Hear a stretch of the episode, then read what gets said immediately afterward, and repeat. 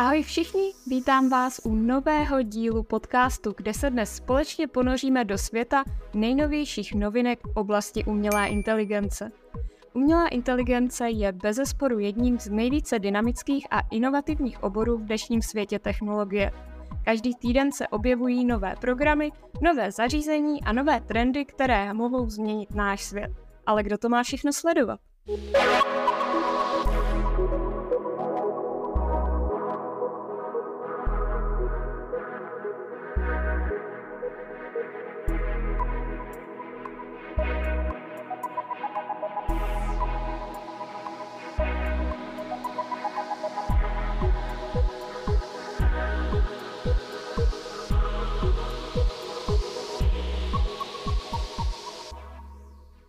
Dnes se s Pavlem podíváme na to, co se událo za posledních pár týdnů, jaké novinky nás čekají a jak mohou ovlivnit naši budoucnost. Než se ale ponoříme do světa umělé inteligence, nezapomeňte, že pokud vás toto téma zajímá a chcete zůstat v obraze, není nic jednoduššího, než tam dát like a kliknout dole na odběr. Také pro vás máme přichystanou velmi čtivou knihu Metaverse přichází. Stačí navštívit adresu www.futurecast.cz a stáhnout si ji zcela zdarma. A nyní, bez dalšího zdržování, pojďme se ponořit do fascinujícího světa umělé inteligence a objevit, co je nového. Zdravím tě, Pavle, a vítám u dalšího dílu Futurecastu. Doufám, že se na tento díl těšíš, protože vím, že umělá inteligence je tvoje velmi oblíbené téma. No rozhodně těším, protože a to, co se odehrálo za posledních pár týdnů v oblasti umělé inteligence, si myslím, že je další velká revoluce a že celý rok 2024 budeme koukat, co všechno na tom bude vytvořit. Mhm. No mě nejvíc zajímá, a jaká novinka tebe nejvíc oslovila? Můžeš nám ji představit? Mhm. Určitě. Uh, tak uh, za mě je to konference, která proběhla vlastně organizovaná OpenAI pro developery a tam bylo představená celá řada novinek od OpenAI, novinek, který vylepšují jak ChatGPT, tak OpenAI API. A to znamená, že tyhle ty novinky se budou propisovat do všech možných různých softwarů. A hlavně pod chat GPT začíná teďka vznikat jakási uh, creators economy. Vlastně obdoba toho, co má třeba Apple ve svém ekosystému prostřednictvím App Store a tak dále. To je za mě to úplně nejzajímavější z té konference. Představili takzvaný GPTs, což jsou zkrátka chaty, který si můžou uživatelé sami vytvářet a dávat jim specifické vlastnosti a úkoly. To znamená, dokonce to jde napojit i na další různé aplikace na internetu. Jdou tam nahrát dokumenty, z kterých to, a z kterých to vychází. To znamená, a tohle to je pár dnů, co je to placený verzi chat GPT dostupný a začínají vznikat stovky různých GPTs, které jsou a, konkrétně zaměřený a vlastně je to nějaký první krůček k tomu, co uh, Sam Altman, a vlastně uh, CEO uh, OpenAI vlastně označuje za AI agenty a vidí v tom právě budoucnost. Budoucnost chat GPT, budoucnost OpenAI. Můžeme si to představit jako umělou inteligenci, která je prostě specializovaná na něco konkrétního a je schopná jít do světa a něco pro nás dělat. Tak daleko zatím chat GPT nejsme, ale blížíme se. Za prvý jsou to tyhle ty GPTs a určitě bych se jim dneska pověnoval ještě, ještě do detailu. A, a za druhý jsou to další novinky, které těm GPTs dávají sílu a kterou před, který představili vlastně v uplynulých týdnech, některý těsně před tou konferencí, některý na konferenci. A když to, když to schrnu, tak jsou to za prvý a, AI Vision, prostě jednoduše to, že chat GPT nyní může vidět, můžeme do něj nahrát jakýkoliv, a jakýkoliv obrázek a on je schopný rozeznat velmi detailně, co je na obrázku, pochopit kontext toho obrázku a tak dále. Zároveň, což je možná ještě zajímavější, než že to obsahuje chat GPT, že na té konferenci to uvolnili vývojářům do API. To znamená, kdokoliv dneska může vytvořit aplikaci, která je schopná rozeznat, co je na obrázku. To znamená, je schopná rozeznat, co je tam někde venku, když to vyfotím smartphonem nebo třeba svýma brýlema a pokud by měli foťák, třeba ty od Mety mají a, a nebo prostě na, na počítači. A hnedka vzniklo třeba rozšíření do Chromu, kde si udělám screenshot a rovnou se o tom screenshotu můžu začít bavit a s umělou inteligencí a tak dále. Těch možností je celá řada prostě. Umělá inteligence může vidět velmi dobře, můžou to využívat všichni, všichni vývojáři. Druhá věc je, že je schopna generovat obrázky představili DALI 3 zase v chat GPT je nově a nechci říct, že se vyrovná Mid Journey, co se týče kvality fotorealistického obrazu, ale je velmi pokročilý a v čem předčí Mid Journey i všechny ostatní věci, je v chápání textového popisu, co má na tom obrázku být.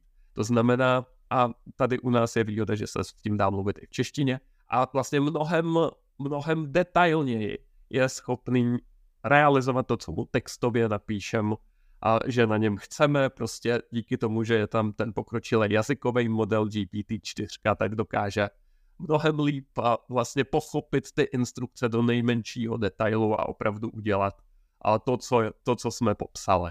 Či I dlouhý popisy, různý komplikovaný obrázky a tak dále. To je zajímavé. A dokáže být v nějaký omezený míře a lépe v angličtině než v češtině, ale dokáže už na ty obrázky dávat i text, což je, což je další zajímavá věc. Tak, taky opět i v OpenAI API, takže všichni vývojáři a toto můžou používat. A třetí taková velká novinka z konference je vlastně nová vylepšená GPT-4, kterou představili a kde to hlavní, co se mění, kromě toho, že říkali, že líp chápe logiku, je rychlejší, je to GPT-4 Turbo, tak to hlavní, co, co se mění, je, že zase pro vývojáře je o něco levnější, to znamená, a budeme ji výdat mnohem častěji ve spoustu různých aplikací a, a je tam kontextový okno, který má 128 tisíc tokenů. To znamená, že GPT-4 v tuhle chvíli a to integrovali už i do chat GPT, umožňuje v podstatě v rámci zadání třeba přečíst celou knihu. Jo, prostě tam nahraje, nahraje se kniha, ona si to přečte celou, ji chápe a může z toho nějakým způsobem, způsobem vycházet. To znamená, ta možnost chápat mnohem širší kontext se výrazně zvyšuje není to jenom pro knihu, je to třeba i pro vývojáře, pro, pro programování zajímavý. Teoreticky může chápat celou složitou aplikaci třeba nějakou, jo? nebo pro různý deníčky, koučování a takové věci skrze AI, tak uh, tam je obrovská výhoda, že může znát celý kontext zase konverzace. Na začátku jsme měli v GPT problém ještě donedávna, že Prostě když si s tím píšu dlouho, tak už to neví, o čem jsme se bavili do za- na začátku. Tohle to prakticky odpadá, protože je tam tohle to dlouhý kontextový okno a ona opravdu je schopna znát v tuhle tu chvíli ta umělá inteligence rozsah 128 tisíc tokenů. Token je plus minus půl slova, takže, takže je to obrovský rozsah, je to poměrně, poměrně dlouhá kniha v podstatě. Takže to jsou, to jsou zajímavé novinky a v neposlední řadě, nevím, jestli už jsme to někde nezmiňovali, ale v tom uplynulém měsíci se zároveň chat GPT v mobilní aplikaci v placen verzi naučila mluvit, včetně češtiny, a to tím způsobem, že, že reálně zapnete na mobilu ten mluvící režim a povídáte si s ní. Nemusíte na nic už klikat, můžete si to dát do Airpodů prostě a chodit si po místnosti nebo si jít na procházku a jako kdybyste telefonovali, tak si povídat s umělou inteligencí. Když mluvíte vy, tak poslouchá, když domluvíte, tak povídá. To znamená, když se tyhle ty věci všechny uh, zkombinují, tak může vzniknout něco velmi zajímavého. Mimochodem i to mluvení zase, zase mají i v API, takže to můžou zase používat i vývojáři. Mm-hmm. To zní na spousty, spousty zajímavých novinek. A děkuji moc za představení. Mě by možná zajímalo víc o těch GPTs. Ty jsi říkal, že by to bylo na delší povídání, tak prosím, mohl bys to posluchačům nějak víc rozvést? Jo, určitě, určitě. Vlastně možná tady vzniká i docela zajímavá příležitost pro ty, co máte rádi umělou inteligenci, být u nějaký další velký věci, jo? protože GPTs jednoduše oni trošku změnili ten systém celého toho uh, chat GPT. Uh, teďka jsme tam měli vlevo jenom ty konverzace, prostě minulý a tak dále. Nově tam při, při, přibyla tam položka Explore a v té můžeme najít a vlastně zatím jenom výpis nějakých GPTs od OpenAI, ale je tam i možnost vytvořit vlastní a GPT. A když vytvářím vlastní GPT, tak můžu definovat je, jeho roli, to znamená, můžu tam nastavit nějaký poměrně třeba dlouhý propracovaný prompt i a následně, kromě toho, že nastavím tu roli, můžu tam nahrát soubory. To znamená, on pak může prohledávat i nějaký soubory, který jsem tam nahrál jako nějaký podkladový know-how pro to GPT.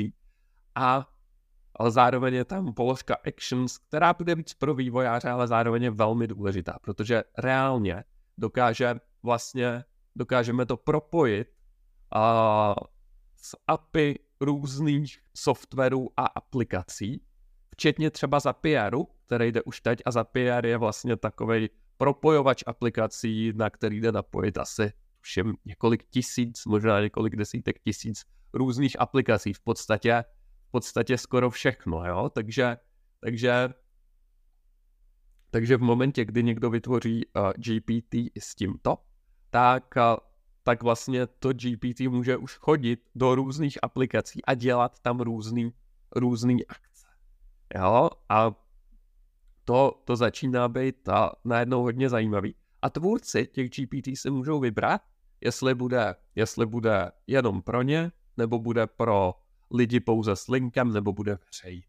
To znamená, to znamená, začíná tady vznikat podstatě spoustu specializovaných GPTs, který slouží třeba na tom, že programují aplikace a mají tam prostě podklady, mají tam instrukce a tak dále, nebo slouží třeba k tomu, že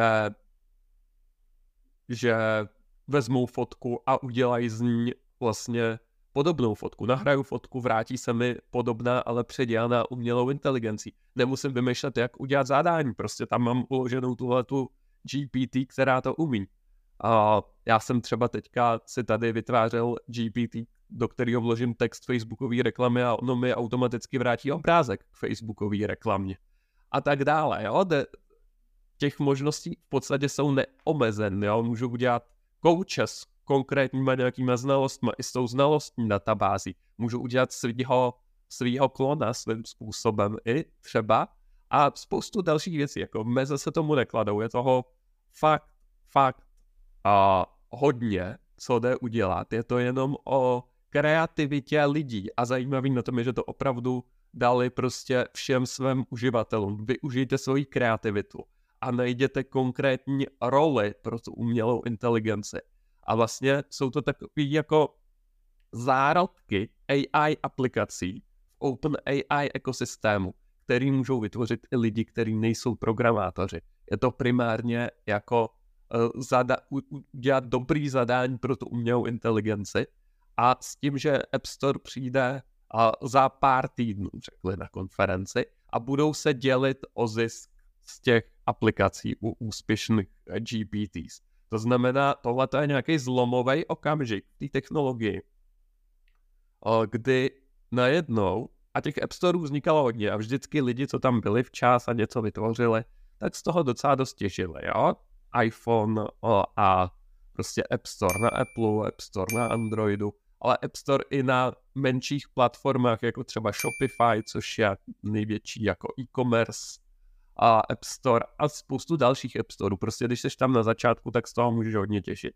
A teďka tu máme něco, kde to nějakým způsobem vzniká. Oni neřekli ještě model, kolik z toho kdo bude mít, takže se diskutuje o tom, jestli to bude jako, že se budou prodávat ty GPTs a prostě bude to tak, že prostě jako na těch telefonech třeba prostě a prostě ta platforma si vezme 30% a zbytek dostane tvůrce, a nebo, a to vnímám jako pravděpodobnější, to bude spíš nějaký princip ala YouTube.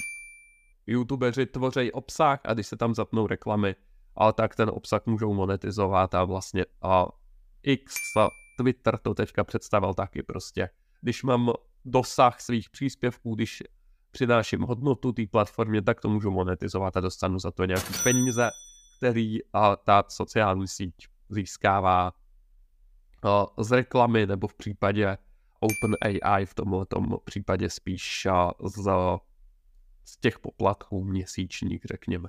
To znamená možná, že to bude spíš takhle, že bude potřebovat člověk úspěšný a podle toho, kolik konverzací tam s ním budou ty uživatelé mít, tak dostane, dostane z toho nějaký peníze, že se to jeho GPT používá.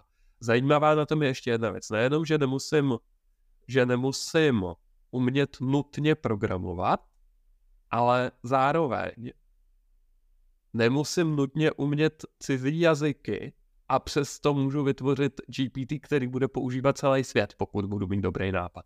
Protože, jak víme, tak chat GPT je jako jazykově v podstatě neomezený. A vůbec nevadí, i když tam ty instrukce napíšu v češtině, protože když na ně někdo začne mluvit anglicky, tak on bude odpovídat a v angličtině a když na ně někdo začne mluvit v nějakém jazyce, tak bude zase odpovídat jinak. Takže může to být velmi zajímavý potenciální zdroj budoucích příjmů, pokud se někdo umělou inteligencí zabýváte, nebo byste se chtěli zabývat. Prostě pokud, pokud někdo rádi vymýšlíte zajímavý prompty a využití umělé inteligence, tak tohle to může být, může být velká pecka. A samozřejmě a oni tam zdůrazňovali, je to jenom začátek toho, co chystáme, takže pravděpodobně budou tady to dál rozvíjet vlastně tu možnost, aby lidi v rámci toho ekosystému chat GPT vyvíjeli svým způsobem a vlastní aplikace a vlastní AI agenty, jak to nazývají, který jsou schopní dělat právě specifické činnosti. A jak jsme se o tom bavili v některém z minulým dílů, třeba právě zastat i nějakou konkrétní roli v pracovním týmu. Vlastně tohle to už tam teďka může být mnohem, mnohem efektivnější, třeba i využívání té umělé inteligence v pracovních týmech, protože jednou se ten agent vytvoří, nebo to GPT se vytvoří, a pak se nazdílí prostě ten odkaz různým, různým lidem do týmu a, a vlastně můžou to používat v podstatě všichni, takže to, to je hodně zajímavá novinka. Mm-hmm, takže programátoři nebudou mít co žrát, když to řeknu takhle. Ze srandy samozřejmě s nadsázkou. A jenom pro ujasnění, kdybych já si řekla, vůbec neumím programovat, kdybych já si řekla, udělám si aplikaci třeba na falešný, uh, já nevím, profil na sociálních sítích, kde člověk nahraje nebo si vytvoří fotku i celkově ten profil na sociálních sítích, nahrála bych to tam, a lidi by tam vždycky mohli přijít jako do, do App Storeu, vytvořit si to tam a ještě bych z toho dostávala jako nějakou provizi, že to ty lidi používají. Je to tak? Jo. Falešný profil jsem trošku blbě, říkejme tomu AI influence. ale, ale jo. Jo, přesně tak, přesně tak, ty by si mohla, ty, ty by si vlastně v rámci zadání mohla nadefinovat přesně, jaký typ konverzace povede ten, ten agent. Dokonce ty fakt jako přesto lidi můžeš učit a víc se tím procesem, protože ti, ty, když tam dáš správné zadání, tak on může být proaktivní a proaktivně pokládat ty správné otázky, vyspovídat toho člověka, co chce, pak mu dát nějaký, nějaký řešení a pak mu třeba, protože se bude pamatovat dlouhodobou tu konverzaci, tak mu pak pomáhat tvořit třeba i přesně ty příspěvky na sociální sítě. A tím, že to jde propojit eh, s tím API dalších aplikací, tak a se Zapierem, který to, který to hodně usnadní, tak on může být schopný i publikovat v podstatě ty příspěvky, ty příspěvky na sociální sítě. Zatím ty agenti nejsou schopni samozřejmě operovat úplně samostatně, A to znamená, asi by, asi by tam někdo do toho chat GPT musel každý den přijít a říct, hele, je další den, vytvoř další příspěvek. Ale vlastně by to mohlo být uh, úplně všechno, co by, co by ten člověk dělal a ono by mu to zpravovalo nějakým způsobem profil.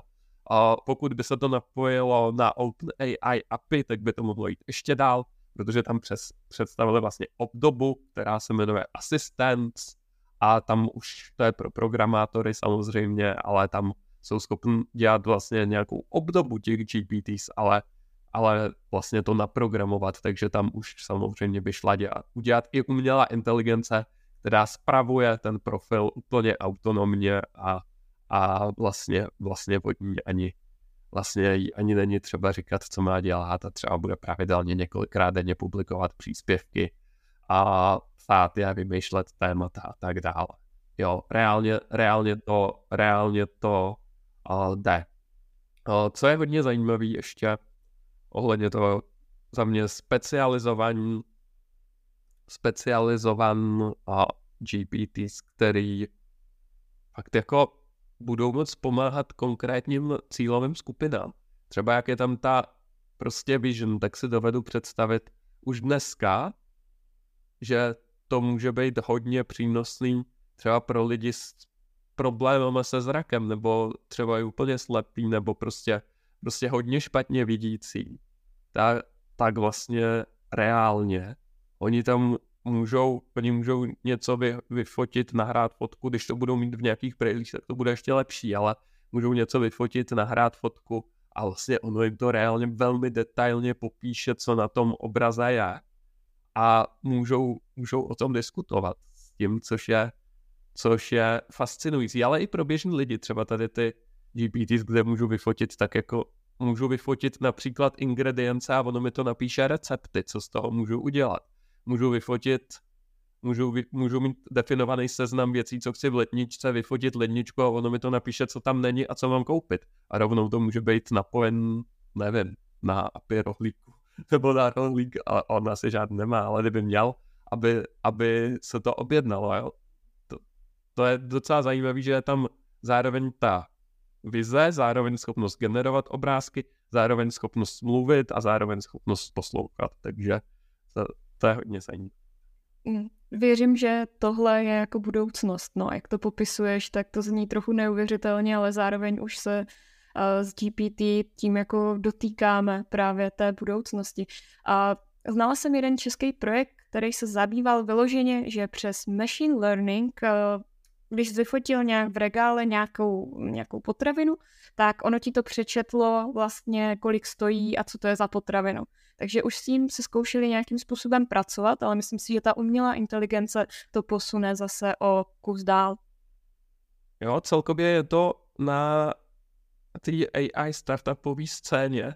Teďka to vyvolalo hodně pozdvižení, protože v podstatě jak si řekla, programátoři nebudou mít co žrát, tak je to vlastně tomu docela blízko. Spoustu AI startupů, který, který využívají, využívají to API, tak samozřejmě si říkají, aha, ale to je naše prostě hlavní, co děláme. Spoustu těch věcí, jo, v tom je. A najednou, najednou, to, najednou to chat GPT umí mnohem líp, takže je tam a samozřejmě taky to ve FutureBotovi řešíme, vlastně tři, jako co se týče budoucího směřování různých, tak vlastně hledat ty cesty, za mě je to zaměření na, na nějaký a, konkrétní věci, ale hledat ty cesty, s čím nepřijde, tím, s čím zase nepřijde a chat GPT a ten, ten trh se strašně rychle vyvíjí a spoustu těch AI startupů v zásadě zároveň, zároveň teďka dostalo, dostalo tako, takovou na jednu stranu ráno, na druhou stranu jim dali jako spoustu nových možností, co zase můžou využít a kam to dál posunout. Takže, takže já to vnímám ve skrze pozitivně, ale viděl jsem i spoustu vývojářů a svých startupů, kteří to vnímali velmi negativně, to s čím OpenAI přišlo. A, a paradoxně jim to představilo na první přednášce své první developerské konference, což je, což je takový zajímavý paradox. Ale no, no, věci se mění a uvidíme, uvidíme, co všechno, co všechno nás ještě čeká a zároveň pravděpodobně na jaře příštího roku se proslýchá, že bychom mohli vidět GPT-5, tak uvidíme, uvidíme, co, co to příští rok udělá. Podle mě jako nás čeká ještě bláznivější rok, co se týče umělé inteligence, než je, než je tenhle. Hmm, hmm. No právě zrovna nedávno jsem četla, že se slovo AI stalo nejvyhledávanější nebo slovem roku, a protože bylo jedno z nejvyhledávanějších a nejvíc lidí se tím zabývalo.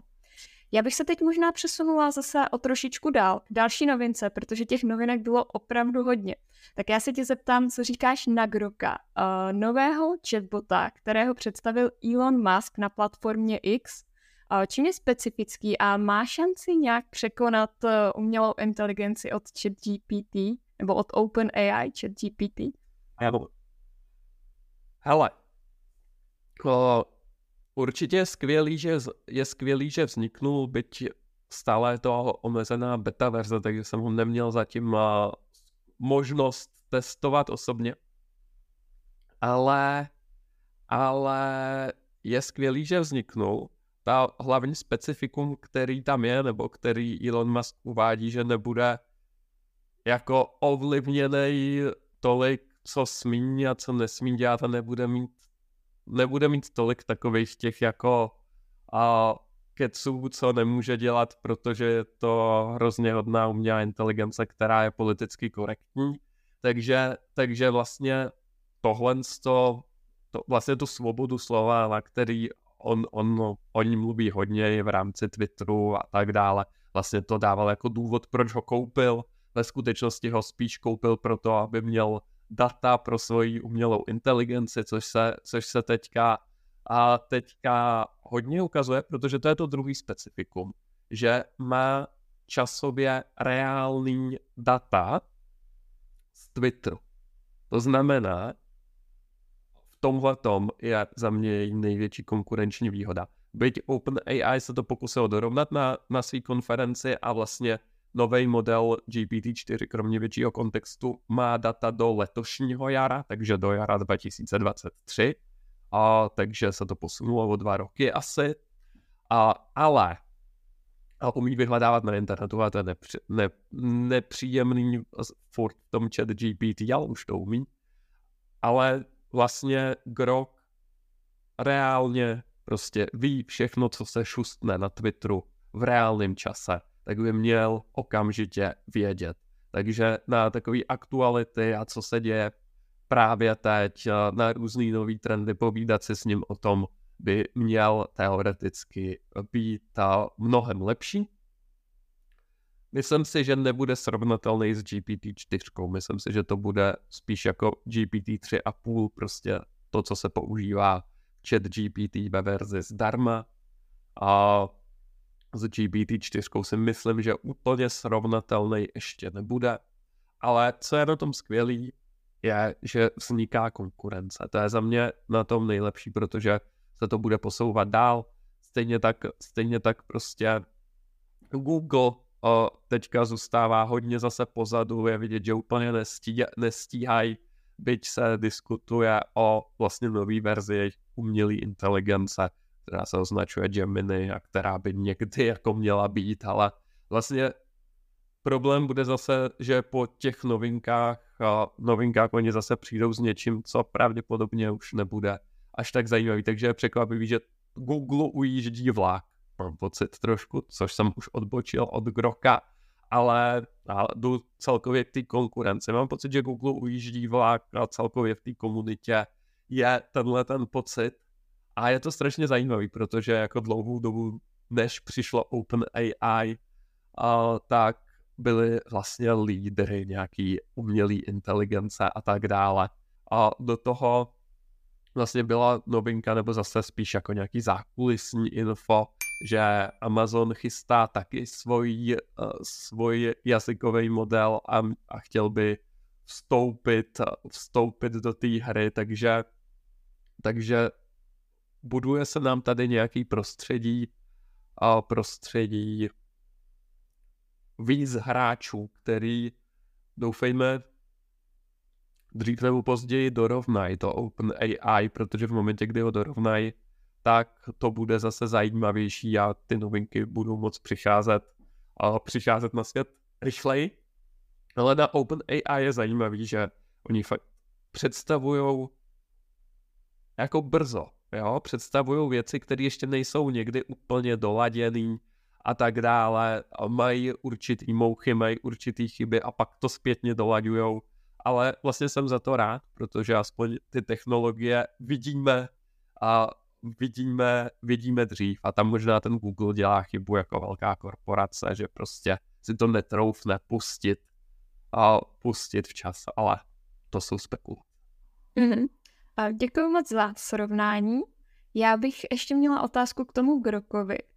Pokud teda Elon Musk tvrdí, že to bere vlastně ty informace z toho Twitteru, tak uh, má nějaká, na nějaký filtr ta umělá inteligence, jakože na tom Twitteru může psát v podstatě kdokoliv cokoliv a co když vlastně si to ta uh, umělá inteligence zpracuje nějak a dá vlastně jiný výstup tomu, tomu uživateli, jako například, eh, kdyby se tam šířil nějaký hoax nebo nějaký fake news, tak dokáže to nějak jako odfiltrovat?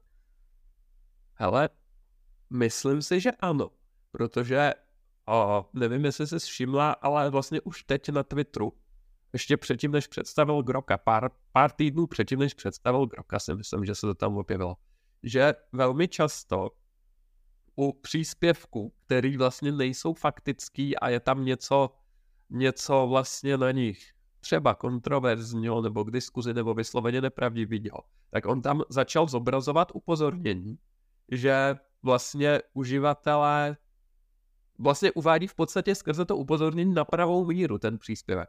A zakládá to podle mě většinou na komentářích pod tím příspěvkem. Takže když je nějaký populární příspěvek, ve kterém vlastně lidi v komentářích identifikují nějakou nepravdu nebo nějaký takový jako rozpor, kontroverzi, tak ono to vytvoří, což pravděpodobně dělá umělá inteligence, a to vytvoří, nebo zcela jistě, to vytvoří upozornění a přímo pod ten příspěvek připne to upozornění, kde vlastně to jako dovysvětlí ten příspěvek a říká, a vlastně poukáže i třeba na ten opačný pohled na tu věc, nebo na to, že to uvádí chybnou, lživou informaci a ve skutečnosti dá tam ten argument, jo. Teď už bych se zase přesunula možná k další novince. Já osobně jsem nejvíce zaujatá s novým zařízením, které představila společnost Humin 9. listopadu.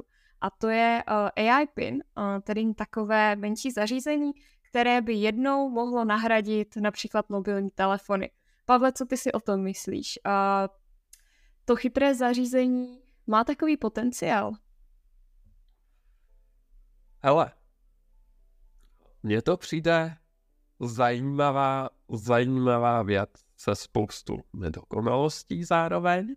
A nemyslím si, že přímo v téhle podobě nahradí, nahradí telefony, ale myslím si zároveň, že to ukazuje směr a že klasický smartfony, jako, že se jim začne začne objevovat nová konkurence. To zařízení je specifický tím, že dokáže vlastně konverzovat se svým uživatelem. A nemá žádný displej, má jenom takový malý projektor, který promítá vlastně na ruku nějaký základní informace a dá se to ovládat gestama. A, ale za to je schopný komunikovat na té úrovni, o který jsme se tady bavili, že je to prostě i v chat GPT. To znamená, tohle to je za mě před, předzvěst velkých věcí. Připíná se to na oblečení a vzhledem k tomu, že lidi si oblečení měnějí různě, prostě když přijdu, sundám si kabát a tak dále, tak to, to mám pocit, že není úplně, úplně jako to, co vyhraje a vyhraje to válku o ty zařízení, ale co je na tom fascinující, třeba jsou překlady. To je asi, co se mi na tom nejvíc líbilo, že v momentě, že se vlastně můžeš potkat s člověkem, který mluví libovolným jazykem a a ono to v podstatě a dělá simultánní překlad, takže něco řeknu, ono to řekne v tom jazyce, něco řekne, on, ono to zase přeloží a zopakuje, zopakuje a to je, to je na té věci pravděpodobně nejzajímavější z mýho pohledu. A jinak je fascinující, že se s tím můžu povídat, takže reálně to za mě může dělat ty věci, takže mi to trošku přijde jako prostě nějaký pokročilý AI agent integrovaný a zároveň do konkrétního zařízení. Takže v tom je to skvělý. Ale zajímavý, co podle mě bude vidět v momentě, kdy se to vloží do brýlí. Ne do velkých VR brýlí, ale do té druhé větve brýlí, do smart brýlí, které jsou malý a postupně do nich při, při, budou přibývat funkce. Protože tohle já si myslím, že vývoj těch jako ultimátních prostě technologických brýlí, který jednou nahradí smartfony, bude, že budou vznikat velký brýle, jako prostě uh, Oculus od Mety nebo Vision, Vision Pro od, od Apple a pak budou vznikat prostě takovýhle brýle, nebo skoro takovýhle brýle, jako jsou, jako jsou třeba ty, které vznikly ve spolupráci Meta a Ray, Ray-Banu. O, teďka zrovna jsem koukal pár týdnů zpátky, u nich měl Petr Mára, myslím, video, kde tam měl a testoval je. A prakticky jsou, prakticky jsou o tom, že je v nich kamera, je v nich, je v nich repráček nebo zvuk, je v nich možnost nahrávat zároveň prostorový zvuk, ale to, to, to, je, to je detail. A můžou fotit, můžou, můžou točit videa a, a můžu prostě poslouchat, co mi říkají. A je v nich nějaký zatím základní hlasový asistent a nejsou o moc větší než normální brýle. Nemají žádné jako displeje ve smyslu, že bych jo, viděl rozšířenou realitu, ale jsou to chytrý brýle.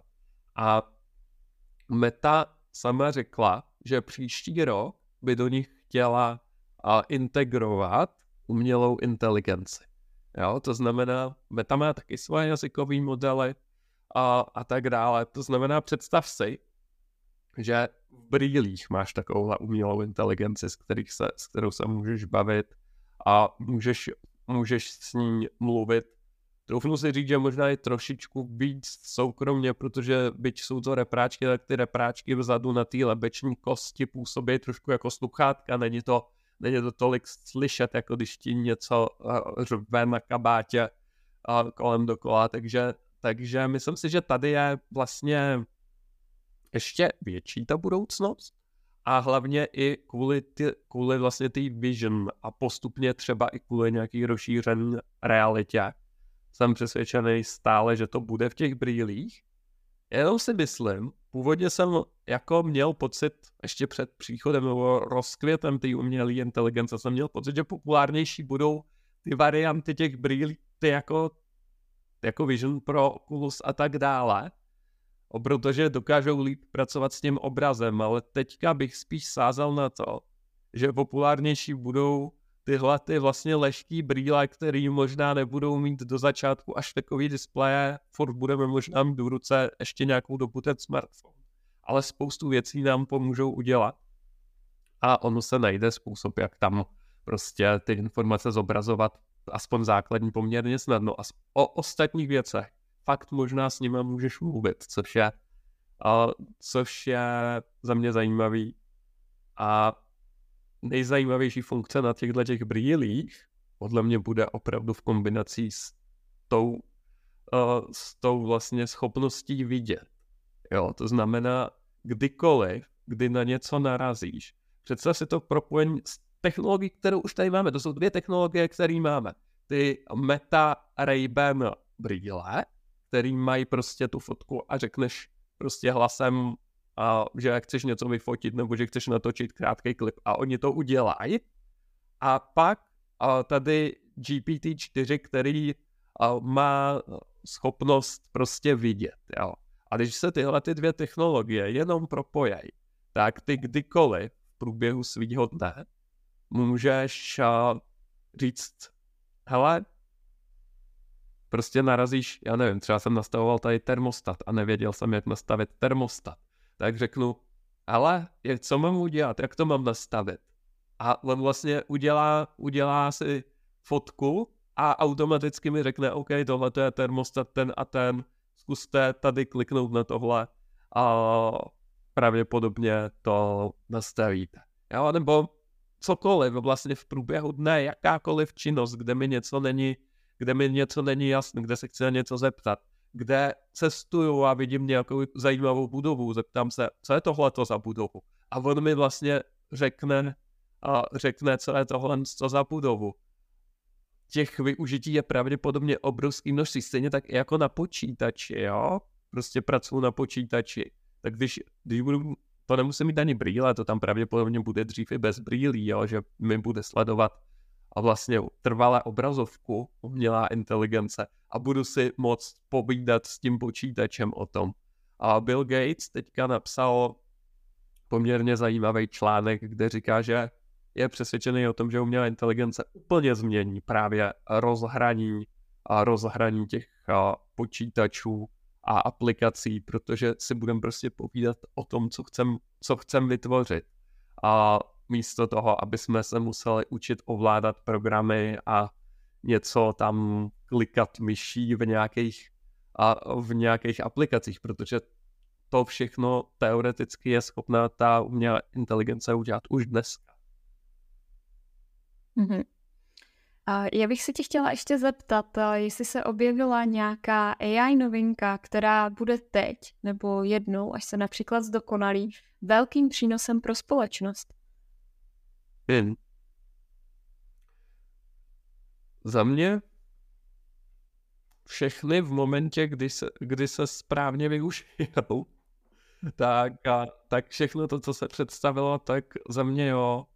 Jo, myslím si, že teďka to trošku, trošku rozvedu na téma, kterýmu se někdy určitě pojmenu, po, pověnujem samostatně, ale to, to je vlastně to je vlastně robotika. A tady ty, tady ty, tady ty všechny věci, které tady pojmenováváme, ano, můžou vytvořit nový, nový brýle a tak dále. A zároveň budou schopni vytvořit a vytvořit i, i humanoidní roboty, které jsou schopní dělat spou, spoustu, spoustu věcí. Už teď, jo? V momentě, kdy se koukneme. Má to vizi, umí to mluvit, umí to nějakým způsobem přemýšlet, vyhodnocovat situace a tak dále. Tak už teď jsem přesvědčený, že máme technologii na to, aby vznikl v podstatě robot, který, který by byl velmi užitečný třeba v domácnosti a byl by schopný tam jako samostatně fungo, fungovat a byl by využitelný na spoustu věcí. Takže to je jedna věc samozřejmě. A četl jsem někde zajímavou, zajímavou úvahu, že právě ty osobní roboti budou další velká věc, která se rozšíří tak, jako se rozšířily třeba auta, televize nebo mobily. To znamená, ve smyslu má to každý. Jo? Takže to, to, je, to je zajímavé, co nás podle mě čeká jako Myslím si, že ještě do roku 2030 nás to čeká, že to začne být ne asi, že to má každý doma, ale že to začne být poměrně běžný, jestli nebudou úplně levný na začátku, to bude to bude asi jediná věc, ale takže to je jedna věc, k, čemu vedou tyhle ty. A pak samozřejmě to vede k tomu, že to pomůže lidem s různýma spoustu omezeníma. Jo, ať už jsou to, ať už jsou to prostě ty zrakový omezení, sluchový omezení, omezení, co se týče možná i řeči, jo, je to schopný za tebe mluvit, omezení, co se týče jazykové bariéry.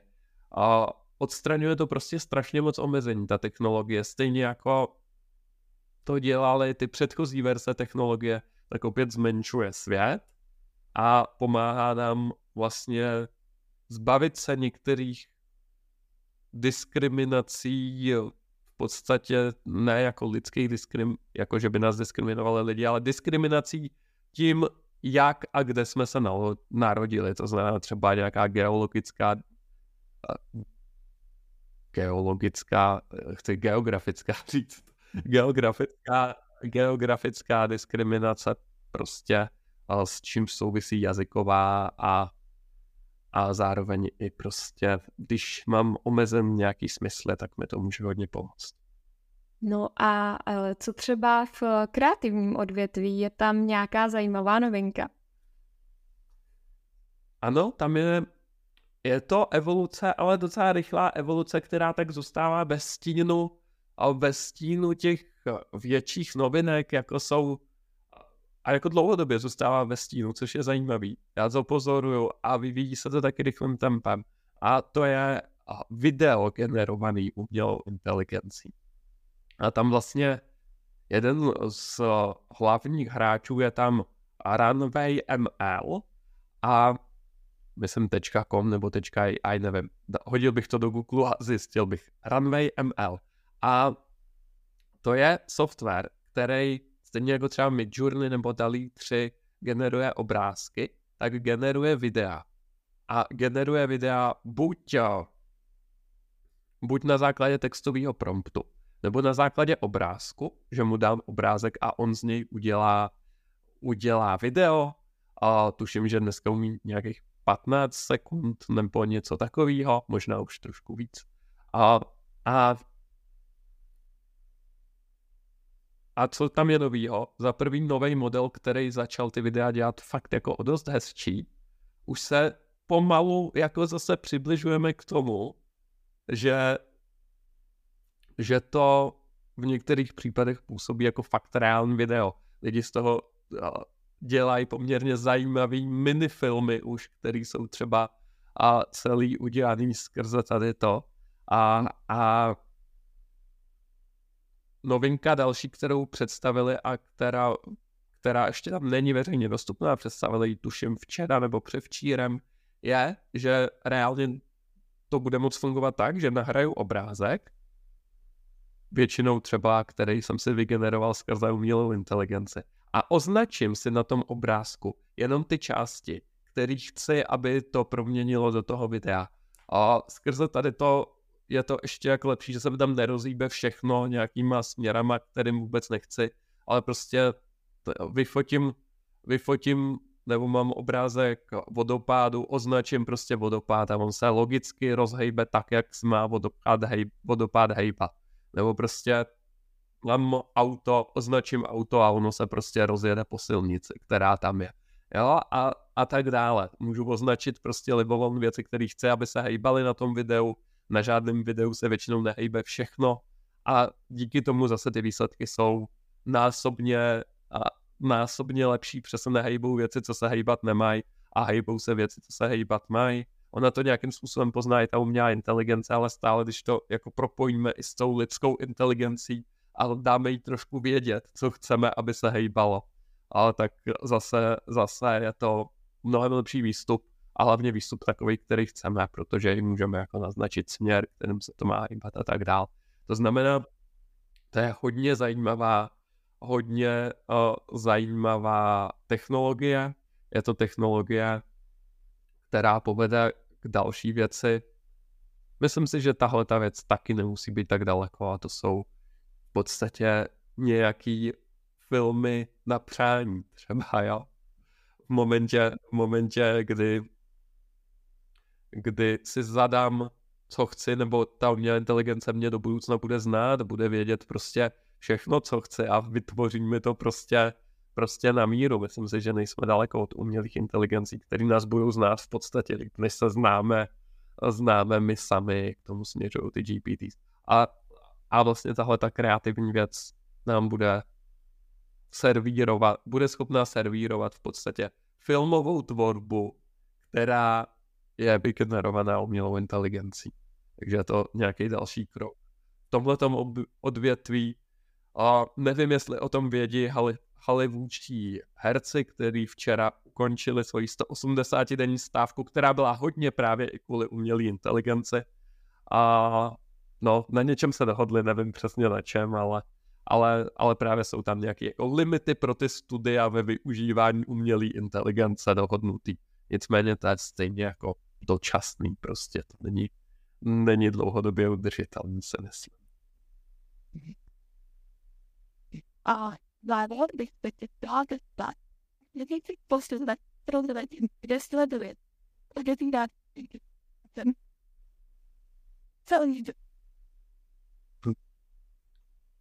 za mě pro jakýkoliv sledování nových technologií a i spoustu dalších věcí je skvělá síť X, Twitter, a, a tam, tam postupně se proklikávám k, zajímavý, k zajímavým lidem, který prostě ty, ty novinky sdílí, takže, takže to je za mě skvělý zdroj informací a pak různý newslettery, ale, ale k těm se člověk dostane taky jako primárně, primárně a přes ten, přes ten Twitter, takže nejjednodušší možná je jít se podívat na můj profil Meta Pavel na Twitteru a koho sledu a koho odebírám a přihlásit nějaký ty odběry a tak se k těm novinkám dostat. Mhm, dobře, děkuji za odpověď. A toto už byla poslední otázka. Já vám děkuji, že jste vydrželi až do konce. Pokud máte nějaké otázky, případně poznámky k novinkám ohledně AI technologie, nechte nám komentář dole pod videem. A pokud vás zajímají delší témata o technologiích budoucnosti, koukněte na naše starší videa a dejte odebírat tento kanál, aby vám neunikly ty další. My už se budeme těšit zase brzy u dalšího Futurecastu. Mějte se a ahoj. Ahoj, díky.